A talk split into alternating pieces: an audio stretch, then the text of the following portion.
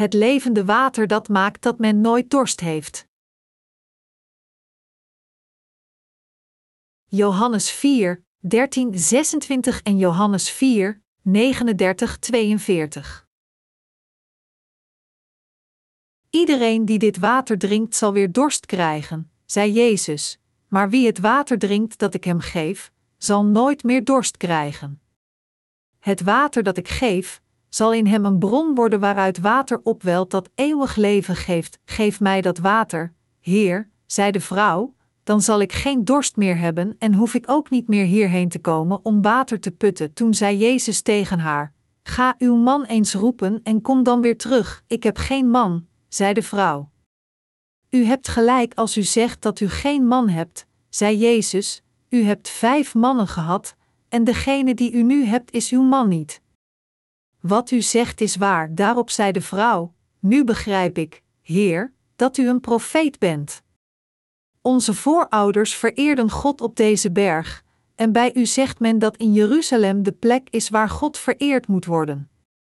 Geloof me, zei Jezus, er komt een tijd dat jullie nog op deze berg, nog in Jeruzalem de Vader zullen aanbidden. Jullie weten niet wat je vereert, maar wij weten dat wel, de redding komt immers van de Joden. Maar er komt een tijd, en die tijd is nu gekomen, dat wie de Vader echt aanbidt, hem aanbidt in geest en in waarheid. De Vader zoekt mensen die hem zo aanbidden, want God is geest, dus wie hem aanbidt, moet dat doen in geest en in de waarheid. De vrouw zei: Ik weet wel dat de Messias zal komen, dat betekent gezalfde, wanneer hij komt zal hij ons alles vertellen. Jezus zei tegen haar: Dat ben ik, die met u spreekt. In die stad kwamen veel Samaritanen tot geloof in hem door het getuigenis van de vrouw. Hij weet alles van me. Ze gingen naar hem toe en vroegen hem bij hen te blijven. Toen bleef hij nog twee dagen. Nog veel meer mensen kwamen tot geloof door wat hij zei. Ze zeiden tegen de vrouw: Wij geloven nu niet meer om wat jij gezegd hebt, maar wij hebben hem zelf gehoord en we weten dat hij werkelijk de redder van de wereld is. De vrouw van Sigar. Een vrouw die leefde in Sigar, een stad van Samaria, had vijf mannen gehad. Om niet te worden getreiterd door de dorpelingen, ging deze vrouw middags naar de bron van Jacob om water te halen met haar emmer op haar hoofd als iedereen naar huis ging om een dutje te doen. Op een dag rond het middaguur kwam ze zoals gewoonlijk water halen, maar nu zat Jezus naast de bron. Toen ze bij de bron kwam en water aan het putten was, vroeg Jezus haar: Vrouw, geef mij wat te drinken. Toen ze keek naar deze man, besefte zij dat hij de verschijning van een Jood had. Joodse kleding bestaat uit een dekenachtige doek die rond het lichaam wordt gedragen en dan over de schouder wordt gegooid. Jezus had een dergelijke Joodse doek om. Deze vrouw vroeg Jezus: Hoe kunt u, als een Jood, mij een Samaritaanse vrouw om water vragen? Deze vrouw zei deze woorden omdat Samaritanen en Joden, hoewel zij beide toebehoorden tot het land Israël, in hun harten een muur tussen hen in hadden staan. Deze vrouw zei deze woorden omdat Joden Samaritanen, die gemengd bloed hadden, als zeer minderwaardig beschouwden en hen met verachting behandelden en hen negeerden. Toen sprak Jezus over het levende water: Als u wist wat God wil geven en wie het is die u om water vraagt, zou u hem erom vragen en dan zou hij u levend water geven. Johannes 4 uur 10. En de vrouw zei tegen Jezus: Maar Heer, u hebt geen emmer, en de put is diep, waar wilt u dan levend water vandaan halen? U kunt toch niet meer dan Jacob, onze voorvader? Hij heeft ons die put gegeven en er zelf nog uit gedronken, en ook zijn zonen en zijn vee, Johannes 4, 11, 12. Jezus antwoordde en zei: Iedereen die dit water drinkt zal weer dorst krijgen, maar wie het water drinkt dat ik hem geef, zal nooit meer dorst krijgen. Het water dat ik geef, zal in hem een bron worden waaruit water opwelt dat eeuwig leven geeft. Johannes 4, 13, 14. Toen zei de vrouw: Geef mij dat water, Heer, dan zal ik geen dorst meer hebben en hoef ik ook niet meer hierheen te komen om water te putten. Johannes 4 uur 15. Hier veranderde Jezus opeens het onderwerp van conversatie, zeggend: Ga uw man eens roepen en kom dan weer terug. De vrouw zei toen: Ik heb geen man. En Jezus zei tegen de vrouw: U hebt gelijk als u zegt dat u geen man hebt. U hebt vijf mannen gehad, en degene die u nu hebt is uw man niet. Wat u zegt is waar. De vrouw was verbaasd en zei: Nu begrijp ik, Heer, dat u een profeet bent. Wat zij bedoelde met deze woorden was: Hoe weet u dat ik vijf mannen heb gehad? U hebt een wonderbaarlijk talent zelfs het verleden van alle mensen te weten. Gezien dit gegeven, bent u een profeet, deze vrouw zei: U bent een profeet, omdat Jezus alles over haar verleden wist. Tot besluit, deze vrouw werd wedergeboren door Jezus aan de bron te ontmoeten. Deze vrouw erkende dat Jezus de Messias is, en door te geloven met haar hart in Jezus, ontving zij de vergeving van zonden. Hoe waren u en ik? Net zoals deze vrouw, hebben u en ik in deze wereld met veel mannen geleefd die niet onze mannen waren. Waarom willen vrouwen met hun respectieve mannen trouwen? Dat is omdat zij denken dat zij alleen gelukkig zullen zijn als zij leven met hun respectieve mannen. Welk soort van man was dan deze man van ons? Zeer waarschijnlijk was onze eerste man geld. We dachten dat als we geld hebben, er voor alles gezorgd kan worden. Echter, geld kon ons niet de vergeving van zonde in onze harten en het eeuwige leven brengen. Ook hebben we gedacht dat wereldlijke eer onze tweede man was. Met de droom op te stijgen in de wereld en beroemd te worden door echt hard te studeren en dan een doctorale graad te behalen of een overheidsfunctie met de gedachte dat men voor een keer zou leven met ware eer, we hadden gedacht dat een dergelijke eer onze geestelijke man zou zijn. Echter, dergelijke eer verkrijgt men niet zo gemakkelijk, maar ook, deze eer kan nog voor eeuwig stand houden of ons het eeuwige leven geven. Denkend dat plezier het beste is, waren er tijden dat wij het plezier najoegen. En er waren tijden dat wij de wereldlijke macht hebben nagejaagd. Echter, beginnend met geld dan eer, plezier, macht enzovoort. Al deze dingen konden geen oplossing brengen voor het probleem in onze harten. En dus probeerden we de wereld te verlaten en omhelste religie, en ook hebben we geprobeerd diep in het religieuze denken te verzinken, hopend dat het de leegte in onze harten zou opvullen. Maar wij konden het niet verwerven. Proberend iets goeds te doen op onszelf, door te vertrouwen op wereldlijke religies op onszelf, zijn wij fanatieke leden geweest met veel nutteloze verlangens.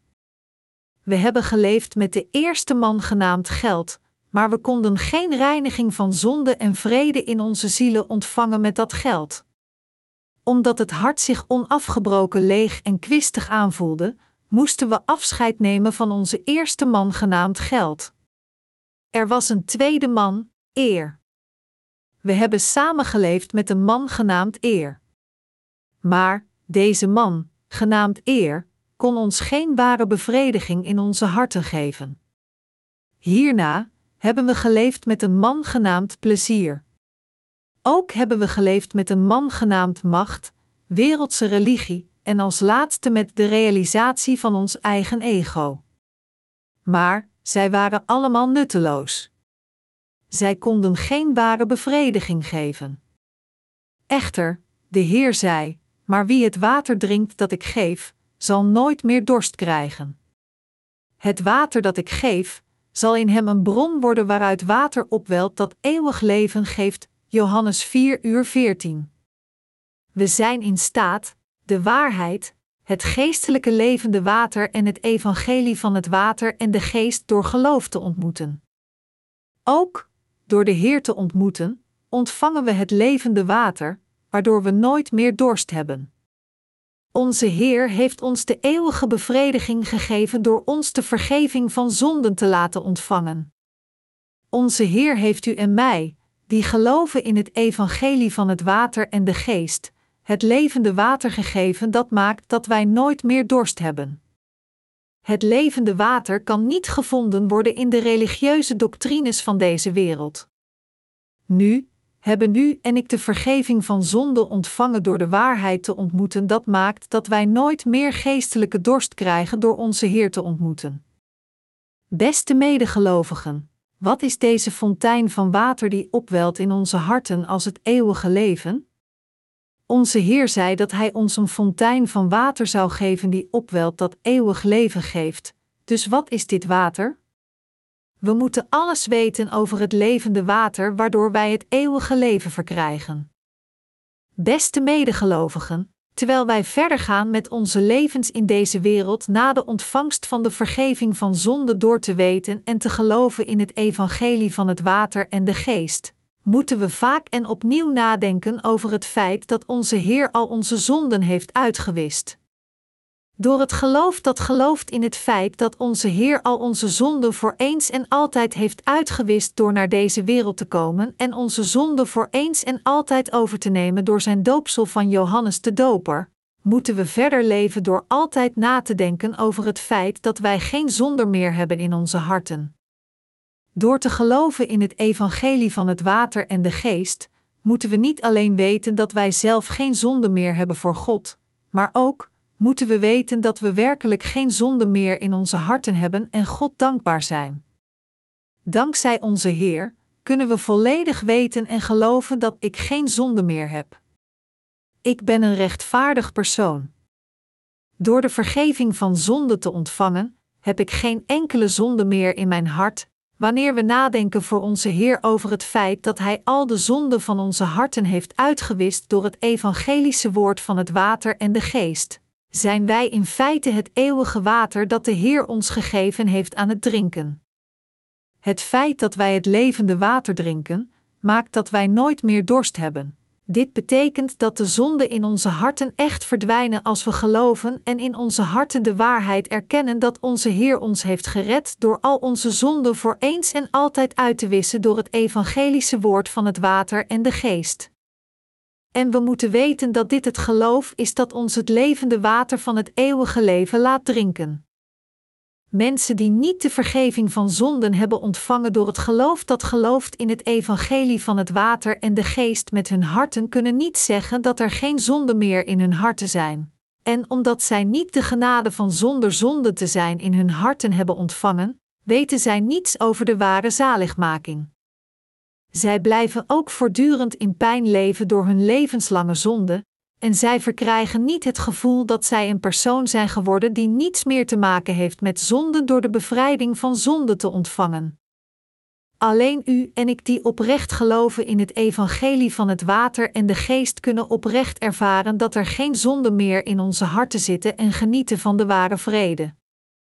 Als we over het evangelie van het water en de geest nadenken, gaan we ons beseffen hoe groot en diep de genade van zaligmaking is het feit dat er geen zonde meer in onze harten zitten omdat zij doorgegeven zijn aan Jezus Christus.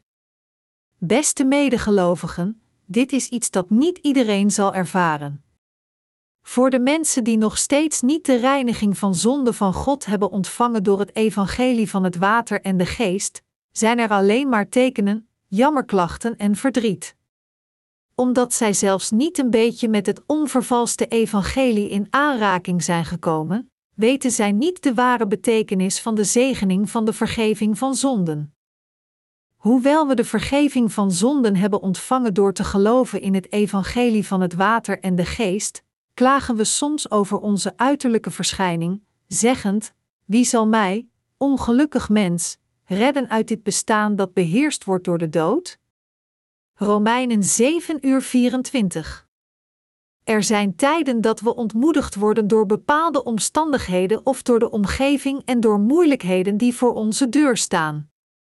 Maar, wij hebben de ware vrede in onze harten omdat er het evangelie van het water en de geest is dat zorgt dat wij nooit dorst krijgen en omdat wij geloven in dit evangelie omdat we de vergeving van zonde voor eens en altijd hebben ontvangen door te geloven in het evangelie van het water en de geest, zijn we in staat onze levens van geloof iedere dag na te leven door na te denken over de vergeving van zonden die als een rivier onze harten overvloeit.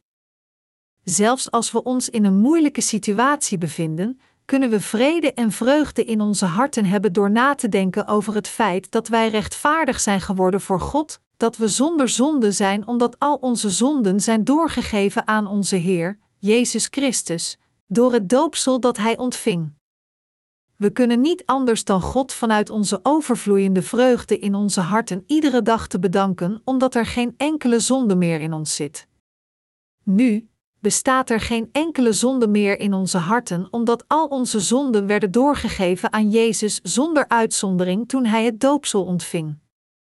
Wij zijn diegenen die continu het water van het eeuwige leven drinken terwijl we leven op deze wereld na de ontvangst van de vergeving van zonden die onze Heer aan ons heeft gegeven. Onze Heer zei: Maar wie het water drinkt dat ik hem geef, zal nooit meer dorst krijgen. Het water dat ik geef, zal in hem een bron worden waaruit water opwelt dat eeuwig leven geeft. Johannes 4 uur 14. Door te geloven in deze passage, kunnen we beleiden: Heer, ik weet dat ik een persoon ben geworden zonder zonden. Ik heb de zaligmaking om een zondeloos persoon te worden ontvangen door de vergeving van zonden te ontvangen door te geloven in het evangelie van het water en de geest. Het is zo dat wij het water van het eeuwige leven dag na dag kunnen drinken door na te denken over het evangelie van het water en de geest.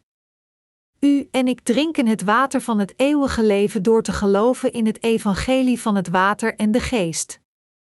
Beste medegelovigen, ik weet absoluut zeker dat u en ik zonder zonde zijn, omdat onze Heer Jezus Christus ons de vergeving van zonden heeft gegeven en het geschenk van de Geest door ons geloof in het evangelie van het water, het bloed en de Geest. Deze vergeving van zonden gegeven door het evangelie van het water en de Geest is een zegening die God ons gegeven heeft. Het is een speciaal cadeau voor ons van God. De tijd dat wij stierven van de dorst. Mensen die niet de vergeving van zonden hebben ontvangen, hebben geen vrede in hun harten, en zij hebben niet de bron van water van het eeuwige leven die diep vanuit hun zielen opwelt. Omdat zij niet het levengevende water hebben, voelen hun harten altijd zwaar, happend naar adem in honger en dorst, overkokend van woede als een uitbarstende vulkaan. Hun harten zijn zoals die van de dienaren van Satan, de zonen van de hel. Het is niet omdat de wereld zoals de hel is, maar eerder is het omdat een zondig hart het laten voelen als de hel. Echter, hoe zit het met de mensen die geloven in het evangelie van het water en de geest? Wanneer wij dorstig worden in het leven, geeft onze Heer ons de bron van leven opwellend in het eeuwige leven door het evangelische woord van het water en de geest. U bent geen zonden. U bent een rechtvaardig persoon zonder zonden. U bent een persoon die geen zonden heeft in zijn hart. Dit betekent dat de Heer aanleiding geeft tot het verfrissende gevoel in onze harten. Het is echt waar. Het is omdat er het doopsel was dat Jezus Christus ontving van Johannes de Doper en het bloed aan het kruis. Dit evangelie ververst onze harten na ons zondeloos te maken in onze harten. Onze Heer heeft al onze zonden uitgewist. Vandaar, verblijvend in onze harten als de Heilige Geest, zegt Hij tegen ons: U hebt geen zonden. U bent een persoon zonder zonden voortaan, zijn u en ik in staat te leven met vrede in onze harten. Hoewel we deze vrede hebben, zijn er tijden dat golven en grote vloedgolven ontstaan in uw harten door de vele kritische gebeurtenissen. Er zijn veel gelegenheden dat onze harten in onrust vervallen. Er zijn tijden dat onze harten rollen en draaien net zoals een tsunami op zee, maar blijf alstublieft ook bewust van het feit dat er verswaterbronnen op de bodem van de oceaan zijn.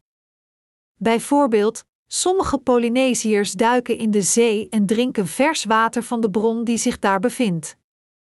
Het is een mysterie dat zij in de zee kunnen gaan om vers water te drinken. Maar hun voorouders hadden een grote verswaterbron op de bodem van de ondiepe zee gevonden. En dus gaan de Polynesiërs verder met hun leven door op dat punt diep in het water te duiken en weer omhoog te komen als zij genoeg water hebben gedronken. Het evangelische woord van het water en de geest dat in uw harten zit, als ook in mijn hart, is een evangelie precies zo. Voor diegenen die de vergeving van zonden hebben ontvangen door het evangelie van het water en de geest, het water van het eeuwige leven en vrede die onze Heer ons gegeven heeft door het woord van waarheid, bevochtigt onze harten, laat onze harten verfrist voelen, laat bloemen van vreugde in onze harten opbloeien, en laat het woord van God onvermoeibaar en eindeloos groeien in onze harten zelfs tijdens dergelijke golven. Zelfs als we moeilijkheden en verwarring aanschouwen, maakt het evangelie van het water en de geest ons deze moeilijkheden iedere dag overwinnen en laat ons geloof groeien. Het evangelie van het water en de geest is het geschenk van God gegeven aan iedere zondaar. Wie gelooft dat de Heer alle menselijke wezens heeft gered van de zonde van de wereld door zijn doopsel en het bloed van het kruis, kan zondeloos worden gemaakt en perfect voor eens en altijd. In uw harten, als ook in mijn hart, welt het water van eeuwig leven op samen met het evangelie van het water en de geest. De bron van water welt in onze harten op, zodat we nooit meer dorst hebben.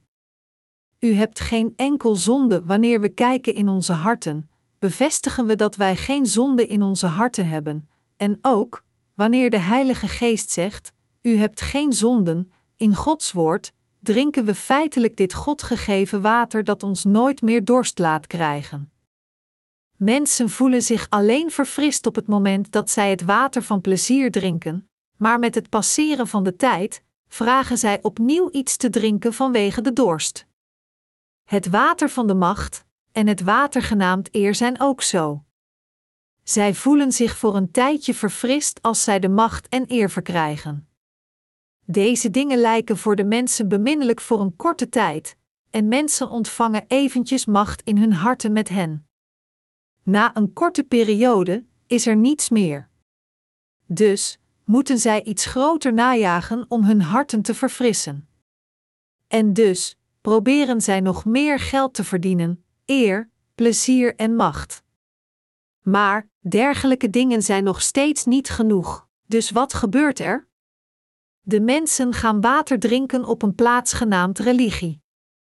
Als iemand zich bij een bepaalde religie aansluit, laten zij deze persoon als eerste een wc reinigen. En zij zeggen: om uw hart van al zijn smerigheid te reinigen, geef gebeden van berouw en doe iedere dag goede daden, net zoals iemand dit smerig ding iedere dag poetst om het hygiënisch te maken.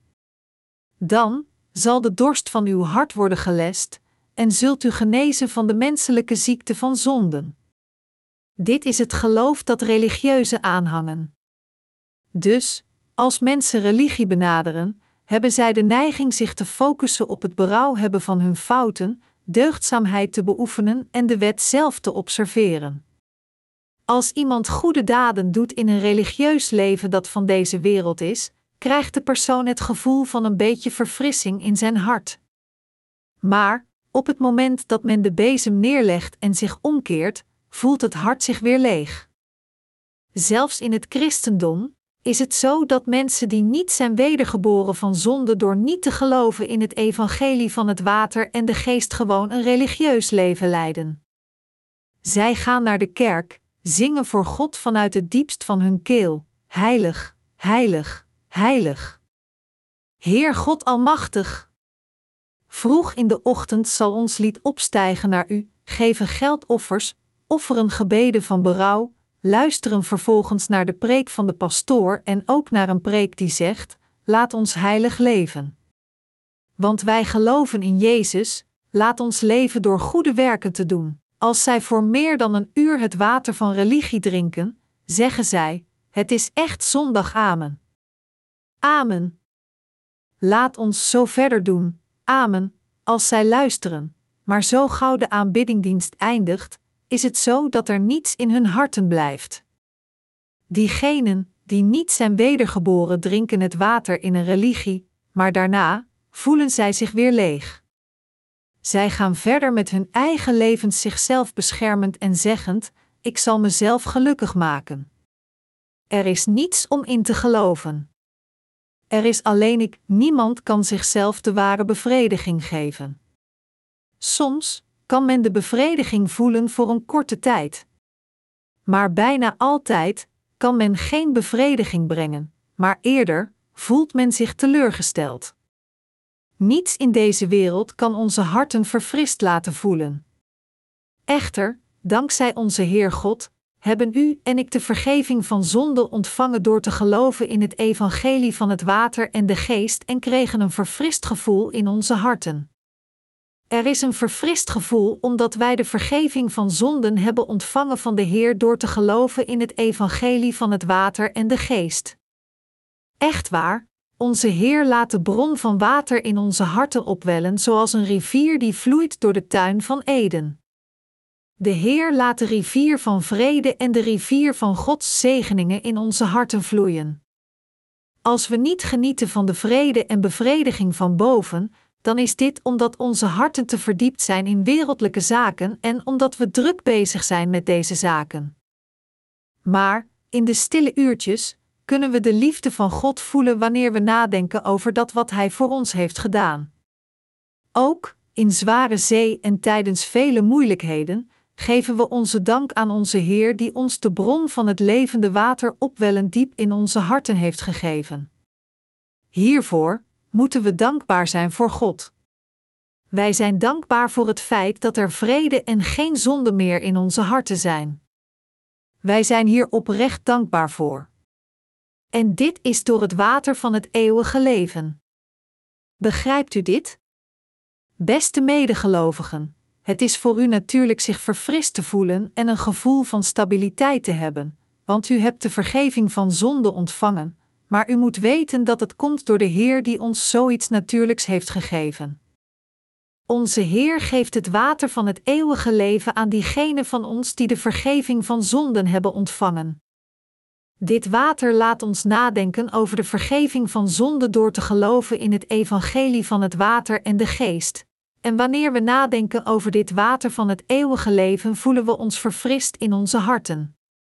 God laat zijn woord gepredikt worden door de lippen van zijn dienaren die in de kansel van zijn kerk staan. Als het geloof van God u bereikt door zijn woord, sprenkelt onze Heer het water van het eeuwige leven in onze harten en bevochtigt hen. Van de andere kant, als iemand de vergeving van zonden heeft ontvangen, maar niet samenkomt in Gods kerk om te luisteren naar het woord, zal de geestelijke bron van water in zijn hart worden afgesneden. Hij heeft diep in de grond van zijn hart gegraven, maar hij stopte met graven toen het water opwelde. Dus, hoewel de bron van water opwelde, werd deze afgesneden door het zand en gravel die omlaag gleed en de bron weer afsloot. Dus, voelt hij weer honger en dorst in zijn hart door het feit dat deze bron van water niet langer meer opwelt, ondanks dat hij de vergeving van zonden heeft ontvangen. Als dit gebeurt, zal de persoon geestelijk sterven. Ondanks dat we de vergeving van zonden hebben ontvangen door te geloven in het evangelie van het water en de geest. Als we een offerdienst met een pastoor die niets weet over het evangelie van het water en de geest zouden bijwonen, en zouden luisteren naar de woorden van een dergelijke pastoor, dan zouden onze harten in plaats van zich verfrist te voelen zich alleen verstikt voelen. Het is beter niet naar dergelijke preken van dergelijke pastoors te luisteren. Wanneer u luistert naar een pastoor die niet het evangelie van het water en de geest kent, dan zal de Heilige Geest in uw harten zeggen: nee, nee. Dat is een leugen. Een fraude. Pure fraude. De Heilige Geest zegt deze woorden in u. Hoewel u de vergeving van zonden hebt ontvangen, zijn er tijden dat u zich niet verfrist voelt in uw harten. Ook als u geen jonge heilige bent, u kunt niet anders dan honger en dorst voelen als u niet regelmatig naar Gods woord luistert. De veiligste manier om het geestvervulde geloof te hebben is door te luisteren naar Gods woord, zelfs meer dan zijn dienaren. De Heilige Geest die in u woont, geeft ons de bron van water dat in ons opwelt als het eeuwige leven, terwijl de goedkeuring, deze woorden zijn correct, in ons weergalmen, luisterend naar de woorden van iemand die het woord van God predikt. En daarom moeten wij zo vaak mogelijk naar het woord van God luisteren. Dat betekent dat als we luisteren naar het God gesproken woord, de Heilige Geest in ons waarneemt wat God tegen ons zegt. Deze Samaritaanse vrouw had niet genoten van de bevrediging in haar religie. Ze zei: Onze voorouders vereerden God op deze berg, en bij u zegt men dat in Jeruzalem de plek is waar God vereerd moet worden. Johannes 4 uur 20. Net zoals deze vrouw, denken christenen dat de secte waartoe zij behoren de beste is. Samaritanen dachten dat de Samaritaanse secte de beste was, en de Fariseërs hielden vol dat de Fariseese secte het beste was. Echter, was zegt onze Heer tegen deze vrouw? Hij zei: Nog deze berg, nog die berg, het uur komt, dat de ware aanbidders de Vader zullen aanbidden in geest en waarheid. En hij zei ook: God is geest, dus wie hem aanbidt, moet dat doen in geest en in waarheid. Johannes 4 uur 24. God is geest. Hij is de geest die heilig is. De Heilige Geest is de geest die heilig is. Hij heeft gezegd dat diegenen die deze heilige God aanbidden hem moeten aanbidden in geest en waarheid. Beste medegelovigen, dit betekent dat God de Vader de aanbidding ontvangt en de communie met ons deelt alleen als we voor God de aanbidding offeren door het geloof van de ware aanbidders die de vergeving van zonde en het geschenk van de Heilige Geest hebben ontvangen. Dit is de ware aanbidding voor God. Wij offeren aanbidding voor God en geven dank door ons geloof. Wij beleiden ons geloof door te geloven in het evangelie van het water en de geest, door te zeggen: Onze God heeft ons van onze zonden gered door het water en de het bloed. Door te geloven in God die zegt: Inderdaad, voor u heb ik uw zonden compleet uitgewist door het doopsel van mijn zoon en zijn bloed aan het kruis, kunnen wij ware aanbidding offeren want Hij houdt van ons. God heeft compleet onze zonde uitgewist door het water en het bloed, en heeft ons in zondeloze personen veranderd. We moeten de vergeving van zonde volledig voor God ontvangen door te geloven in het evangelie van het water en het bloed van Jezus Christus, en dan moeten we God eren, danken en glorie brengen. De aanbidding die wij offeren aan God nadat wij de reiniging van zonden hebben ontvangen door te weten en te geloven in het evangelie van het water en de geest is de ware geestelijke aanbidding. Wij zijn zeer dankbaar dat onze God ons dergelijk verfrissend water heeft gegeven. Beste medegelovigen, ik hoop dat u beseft dat God dit verfrissende water van eeuwig leven in uw zondeloze harten heeft geplaatst. En, ik hoop dat u erin gelooft. En, ik hoop dat u oprecht de Heer hiervoor bedankt. Waar is het bewijs dat de Heer uw zonde als ook mijn zonden heeft uitgewist? Het zit precies in dit water. Het feit dat u en ik geen zonde in onze harten hebben, is het definitieve en beslissende bewijs voor onze zaligmaking. Natuurlijk is Gods woord het beslissende bewijs, er moet het woord van zaligmaking zijn voor de ontvangst van de vergeving van zonden. We moeten niet alleen weten over het woord, maar ook de overtuiging hebben dat de Heilige Geest in ons is en dat ons geweten zonder zonde is. Wij ontvangen de ware vergeving van zonden alleen als we vurig geloven dat er geen zonden meer in onze harten zijn. Wij hebben iets zeer kostbaars ontvangen, en het is het evangelie van het water en de geest. Maar er zijn vele gelegenheden dat we niet de kostbaarheid van dit onvervalste evangelie voelen. Er zijn gewoon te veel momenten dat we het bijna niets voelen. Onze innerlijke mens botst regelmatig met onze uiterlijke mens. Er zijn vaak gelegenheden dat iets geestelijks vecht met iets lichamelijks ten gevolge van onze gecompliceerde plichten. Beste medegelovigen, ik hoop dat u broederschap deelt met de Heilige Geest die in u woont en het woord van God dat in u komt. Beste medegelovigen, wij zijn in staat van de vrede in onze harten te genieten dankzij het evangelie van het water en de geest die onze Heer ons heeft gegeven. Ik hoop voor u dat u zich het evangelie van het water en de geest herinnert. Onze Heer is de meester van het evangelie van het water en de geest.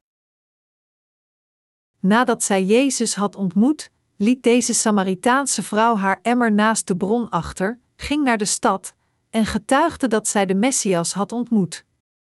Dient te gevolgen ontstond er een grote wederopleving, zoals staat geschreven in vers 39. In die stad kwamen veel Samaritanen tot geloof in hem door het getuigenis van de vrouw.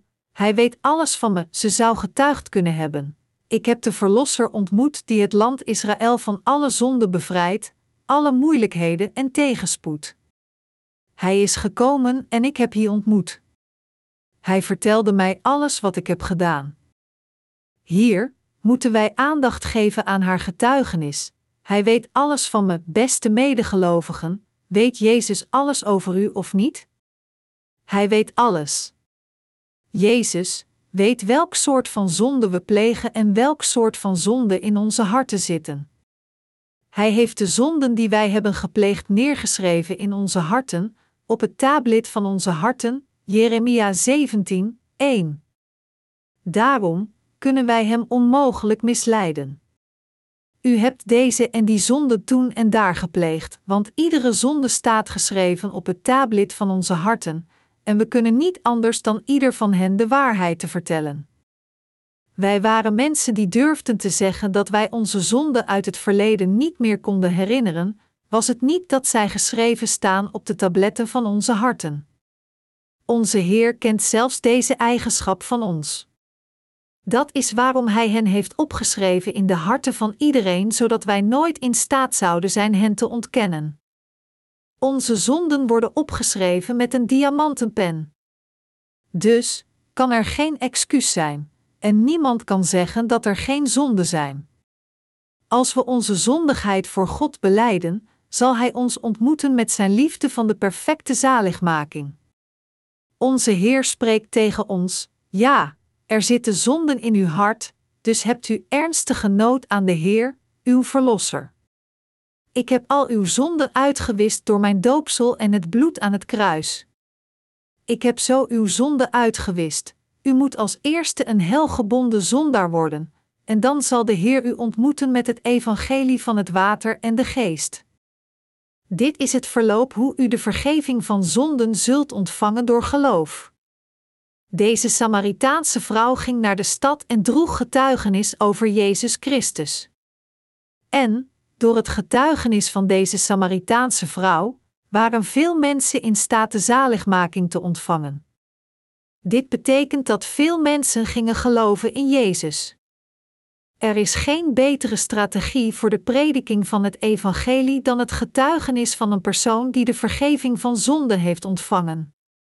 Er is geen betere methode voor de verspreiding van het evangelie dan een getuigenis dat zegt hoe onze Heer mij heeft gered, hoe ik was voordat ik de Heer ontmoette en hoe ik een zondeloos persoon ben geworden door de ontvangst van de vergeving van zonden. Als u echt een persoon wilt vertellen over het evangelie van het water en de geest, begin dan een gesprek met de persoon en vertel hem hoe u de Heer hebt ontmoet, in plaats van hem te vertellen naar uw kerk te komen. Ik heb geleden door die en die kwelling en zonden, en mijn hart voelde leeg. Maar, onze Heer heeft al mijn zonden uitgewist en mij gered door naar deze aarde te komen, het doopsel te ontvangen en zijn bloed aan het kruis te vergieten. Door de ontvangst van het doopsel heeft Jezus al de zonden van de wereld weggenomen. En dus heeft Hij mij gered van al mijn zonden. Want Hij heeft mij het water van het eeuwige leven gegeven, en mijn hart is nu verfrist. We moeten in staat zijn het getuigenis van zaligmaking zo te geven. Mensen kwamen voor Jezus door het getuigenis die zij gehoord hadden van deze Samaritaanse vrouw, maar nu, door rechtstreeks het woord van Jezus gehoord te hebben en bevestigd, was het zo dat zij in staat waren de vergeving van zonde te ontvangen door te geloven in het persoonlijk gesproken woord van Jezus. Beste medegelovigen, diegenen die oprecht de Heer hebben ontmoet, moeten dit evangelie van het water en de geest verspreiden door hun getuigenis van zaligmaking aan anderen te delen. Onze Heer is degene die u van zichzelf heeft gered. Het is altijd fris en goed te spreken over het feit dat de Heer u door het water en het bloed heeft gered. Ook moeten we over onze zaligmaking getuigen om een ziel te redden door het evangelie te verspreiden. Te getuigen over uw zaligmaking is niet op te scheppen over uzelf, maar het is door op te scheppen over de geofferde liefde van Jezus Christus. Door dit te doen, geeft u de glorie aan God terug. Diegenen die zijn wedergeboren door het water en de geest moeten het evangelie van het water en de geest verspreiden. Net zoals deze Samaritaanse vrouw haar emmer achterliet en wegging om als eerste het evangelie te verspreiden, en later haar dagelijkse werkzaamheden afmaakte, moeten wij ook met de hoogste prioriteit het evangelie van het water en de geest verspreiden. We moeten de naam van onze Heer verspreiden die ons het water van het eeuwige leven heeft gegeven. Wij zijn in staat om het te verspreiden omdat wij het al hebben ontvangen. Terwijl we leefden in deze wereld, hebben we ons altijd leeg gevoeld voordat we de Heer hadden ontmoet. En dus hebben we in het verleden vaak een liedje gezonden genaamd, Walvis jagen, dat begon met de tekst: Ik drink bier, zing en dans. Maar er is alleen verdriet in mijn hart. Ik dacht na over de betekenis van deze tekst. En we zongen ook een liedje dat ging: Zittend tegenover een vuurtje, laat het leven alleen as achter in de rook. Ik dacht na over de betekenis van mijn leven door de teksten van deze liedjes. Het vertelde ons dat er alleen as op het einde van ons leven zou overblijven. Het vertelde ons dat er niets over zou blijven in dit leven. Ik bedacht dat het leven iets was zoals dit kleine vuurtje dat brandt voor een tijdje en niets anders achterlaat dan as, dat uiteindelijk ook zou verdwijnen door de wind. Ik ervoer door de teksten van Koreaanse popliedjes dat mijn leven precies zo was, en had treurend over mezelf geleefd. Dus dacht ik dat ik voor mezelf een doel moest zetten, een visie hebben en iets moest vervolgen, zoals de teksten zeggen: ik drink bier, zing en dans. Maar er is alleen verdriet in mijn hart. Laat ons vertrekken naar de Oostzee. Laat ons vertrekken voor de walvissenjacht, ik had bedacht dat ik naar een plaats ver en snel moest vertrekken om een walvis te vangen. Ik dacht dat ik iets moest doen, geboren als een man in deze wereld. Op dat moment was president Chung-hee Park aan de macht en de New Village Movement met hun motto: Morgen beter. Morgen beter was op zijn hoogtepunt. In die tijd stonden de mensen vroeg op en het voelde als een zonde om laat op te staan.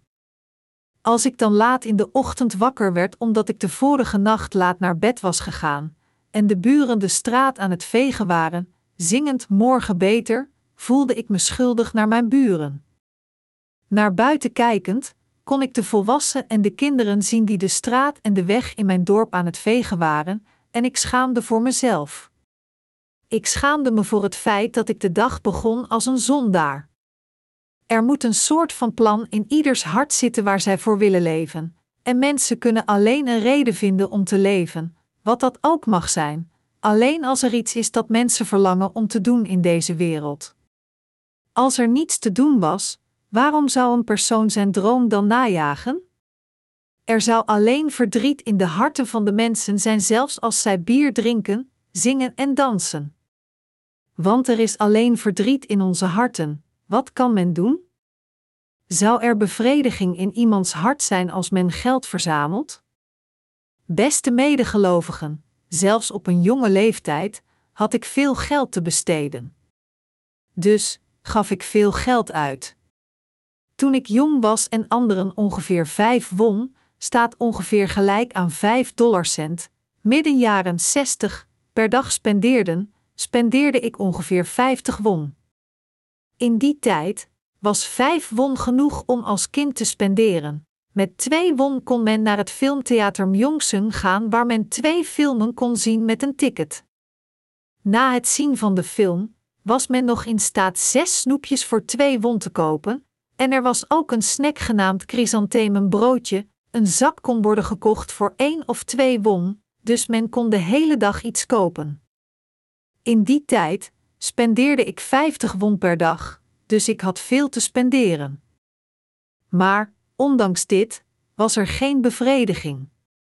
Er werd veel geld aan mij gegeven, maar hoewel ik meer dan genoeg om te spenderen had en nog meer spendeerde, vond ik geen bevrediging. Niet wetend waar ik het geld aan moest spenderen, ging ik naar hier en daar. Ik ging zelfs naar dansings, waar men schuifelde en wild danste, mooie schoenen droeg, wijduitlopende broeken en permanent. Ik ben opgegroeid in Busan, de grootste havenstad van Korea.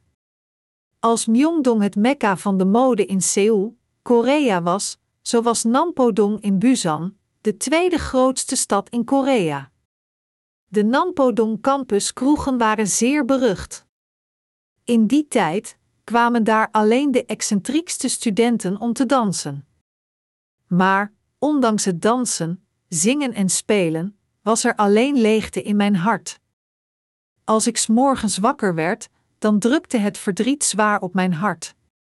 Er was absoluut niets te winnen met een dergelijk leven. Absoluut niets.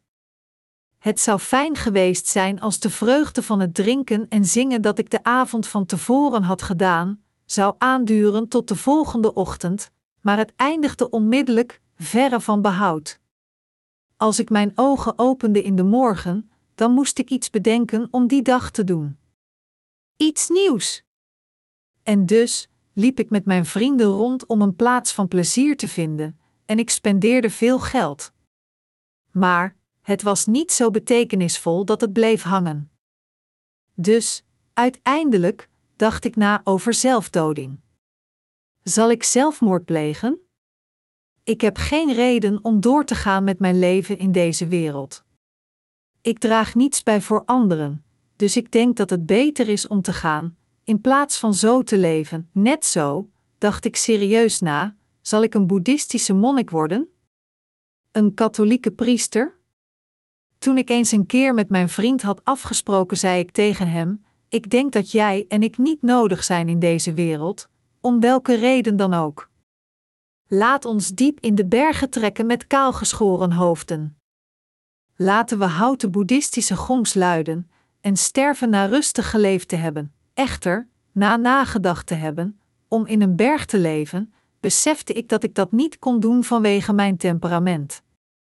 En dus gaf ik het idee om op een berg als een boeddhistische monnik te leven op. Ik zag priesters en nonnen stilletjes rondlopen die vrijwilligerswerk deden, en de gedachte kwam in mij op: nou, mijn leven zou waardevol zijn als ik ook zo zou leven, maar als ik naar mijn slechte ik keek, wist ik dat ik niet geschikt was. Dus, niet in staat erover te praten, ging ik verder met mijn innerlijk gejammer. Er was geen bevrediging in het leven. Er was geen bevrediging in studeren, en er was geen bevrediging in het lezen van stripboeken, ongeacht hoeveel ik ook las. Ik was gek op stripboeken, en ik vond het leuk om stripboeken te lezen liggend op bed. Ik las zoveel stripboeken dat ze hoger dan mijn zittende positie lagen opgestapeld. Omdat ik ze de hele nacht las, iedere nacht, zeiden mijn ouders tegen mij: Zoon, doe het licht uit. Je verkwist olie, maar ik las deze stripboeken tot het eind en ik liet een kerosinelampje branden in mijn bed, niet nadenken over het gevaar van brand. Las u zo ook zoveel? Ik denk dat de jeugd van tegenwoordig nog meer leest. In mijn tijd waren er niet veel striptekenaars, dus was er ook niet veel keus. Maar tegenwoordig zijn het er veel meer.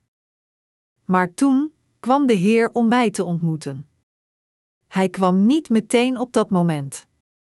Maar na meer dan tien jaar geloof te hebben in Jezus, ging ik geloven in het evangelie van het water en de geest en ontving de vergeving van zonden. Toen ik voor het eerst in Jezus ging geloven, was het zeer moeilijk voor mij om een leven van geloof te leven. Dit kan niet worden uitgedrukt in woorden. Beste medegelovigen, hebt u ook de vergeving van zonden ontvangen nadat u voor vele jaren in Jezus geloofde? Er zijn misschien broeders en zusters die Jezus Christus hebben ontmoet door het evangelie van het water en de geest als het begin van hun leven van geloof. Deze heiligen zijn zo gezegend omdat zij de vergeving van zonden hebben ontvangen door de waarheid op het moment dat zij gingen geloven in Jezus. Laat mij u zeggen dat diegenen die de vergeving van zonden hebben ontvangen na voor een lange tijd in Jezus te hebben geloofd ook gezegend zijn. Zijn er niet veel mensen wiens hart nog steeds leeg aanvoelt omdat zij niet de vergeving van zonden hebben ontvangen? Als hun harten zich zo leeg voelen, dan gaan zij op gebedsretreiten in de bergen. Na het offeren van een vaste gebed voor drie dagen of voor een week, zonder eten en drinken behalve het water opgeslagen in een ketel, trillen hun benen en zijn hun ogen leeg. Ongeveer na drie dagen, nadat men begon met het vaste gebed, ziet men een kom met soep vliegen door de lucht, en een ei wordt er vanzelf bovenop gelegd, en de stoom komt ervan af. Dat is zonder enige twijfel de lucht, maar hoe kan er een kom met soep hier op deze plaats zijn? En het rare was dat de kom met soep ondersteboven hing. Het feit is dat de mensen niet zichzelf zijn. Mensen die geloven in Jezus zonder het evangelie van het water en de geest te kennen, moeten doorgaan met dit soort van kwelling. Huilen zal mij niet redden. Hoewel mijn gezicht nat is van tranen, kan dat mijn angsten niet verzachten, kan niet de zonde van jaren wegwassen. Huilen zal mij niet redden. Beste medegelovigen, ongeacht hoeveel gebeden van berouw men offert, huilt en schreeuwt, het is niet zo dat de gepleegde zonden worden weggewassen. Het is een kwelling als de zonden niet weggaan. Hoe zwaar is het om een vaste gebed van 40 dagen te offeren om de zonde uit te wissen? Door dit te doen gaan onze zonden niet weg, maar mensen doen dit zo vurig omdat het hebben van zonde pijnlijker is dan dit. Als men tien dagen niet eet, proberend vaste gebeden te offeren dan zal een gezicht dat al vel over been is nog magerder worden. En hoezeer zou men naar lekker voedsel verlangen? Tijdens het vaste gebed denkt men, zo gauw de vaste periode is gedaan, eet ik soep met balletjes en geroosterd brood. Op dat moment willen de mensen deze dingen zo graag eten dat ze bijna doordraaien. Laat ons zeggen dat de vaste periode eindigt om 12 uur s'nachts omdat ik de tijd in de gaten moest houden, keek ik vertwijfelde naar de wijzers van de klok. Hoewel het leek alsof er dertig minuten waren voorbijgegaan, als ik naar de klok keek, zag ik dat maar vijf minuten waren voorbijgegaan. Dus, dacht ik, nog maar 25 minuten te gaan. Hoe komt het dat de tijd zo langzaam voorbij gaat? Dus, om de tijd sneller te laten gaan, maakte ik doelbewust de persoon die naast mij de vaste periode doormaakte wakker en vroeg: probeer wakker te blijven. Waar leefde u voordat u hier kwam? Waarom doet u mee aan de vastenperiode? Ik vroeg dit en dat, en na verschillende vragen gesteld te hebben, ontdekte ik dat maar tien minuten waren voorbijgegaan. Ik stond op het punt om gek te worden. De tijd op de dag dat de vaste periode gedaan is, gaat zo langzaam voorbij. Zo erg zelfs dat ik de laatste tien minuten nadacht: wat kan ik dadelijk nog eten? Hierna was het nog maar vijf minuten voor twaalf, en omdat ik niets anders kon doen, kon ik alleen maar naar de klok kijken. Eén seconde, twee seconden, drie seconden, vier seconden. Ja, één minuut is voorbij, begin opnieuw twee minuten, drie minuten en uiteindelijk nog één minuut en dertig seconden te gaan. En dan eindigt het. Ik ben veilig geëindigd. Zonder rekening te houden met de ontvangst van een antwoord op het gebed of de vergeving van zonde voor God tijdens de vaste periode, rende ik weg om dat te gaan eten wat ik de laatste dagen graag wilde eten, met grote nadruk op het feit dat ik de vaste periode van een week had volgehouden. Een grote nadruk werd gelegd op het feit dat ik deze kwellende vaste periode van gebed had volbracht, ondanks de honger. Sommige mensen, niet in staat het vol te houden, vertrokken iedere nacht om te eten. Terwijl ik dronk uit de waterketel, rook ik ook de geur van gekookte rijst. Toen ik in de ketel keek, zag ik gekookte rijst op de bodem liggen. De methode van de vaste periode verschilt onder de verschillende geloofsgemeenschappen. Gewoonlijk drinken de legalisten voor een week alleen water. Nadat men de vaste periode heeft volgehouden tot aan het punt van de dood, is er alleen het gevoel van volharding en niets anders. Vader, ik strek mijn handen uit naar u, geen andere hulp ken ik. Als u zich terugtrekt van mij, ah. Zal ik wegkwijnend gaan? Op dat moment huilde ik van de honger, maar ondanks mijn tranen en het herhalen van een dergelijk gezang, waren er nog steeds zonden in mijn hart. Er was alleen leegte in mijn hart. Dus voelde ik mij altijd verdrietig. Echter, ik heb de Heer ontmoet. Ik kreeg het evangelie te horen. Zoals u hebt gehoord, toen Jezus het doopsel had ontvangen, werden al mijn zonden doorgegeven, en door de dood van Jezus aan het kruis heeft Hij plaatsvervangend heel het oordeel ontvangen. De wereld is veranderd vanaf het moment dat ik mij bewust werd van het woord dat zegt dat de zonden van de wereld voor eeuwig zijn verdwenen. Mensen spreken globaal over de zaligmaking. Omdat ik zocht en dorstig was naar het woord van de vergeving van zonden, was ik in staat tien keer meer te weten als iemand die mij gewoon een hint gaf. En ik onderzocht en controleerde het evangelie van het water en de geest. En het resultaat was dat het evangelie van het water en de geest een zeer duidelijk evangelie is. Het evangelie van het water en de geest dat Jezus ons gegeven heeft, is de bron van water voor het eeuwige leven, zoals gesproken in de woorden: Het water dat ik geef, zal in hem een bron worden waaruit water opwelt dat eeuwig leven geeft. Dit evangelie van het water en de geest gaf mij het water van eeuwig leven. Op het moment dat ik dit evangelie bevestigde, verdwenen al mijn zonden uit mijn hart, en de bron van water welde op in mijn hart. Het evangelie van het water en de geest is dit evangelie dat u en ik hebben ontvangen. Beste medegelovigen, denkt u dat het evangelie van het water en de geest niets is? Denkt u dat het gewoon een ander evangelie is? Nee, absoluut niet. Er leefden veel Samaritaanse mensen in Sigar, maar alleen deze vrouw levend in de stad Sigar ontmoette de Heer.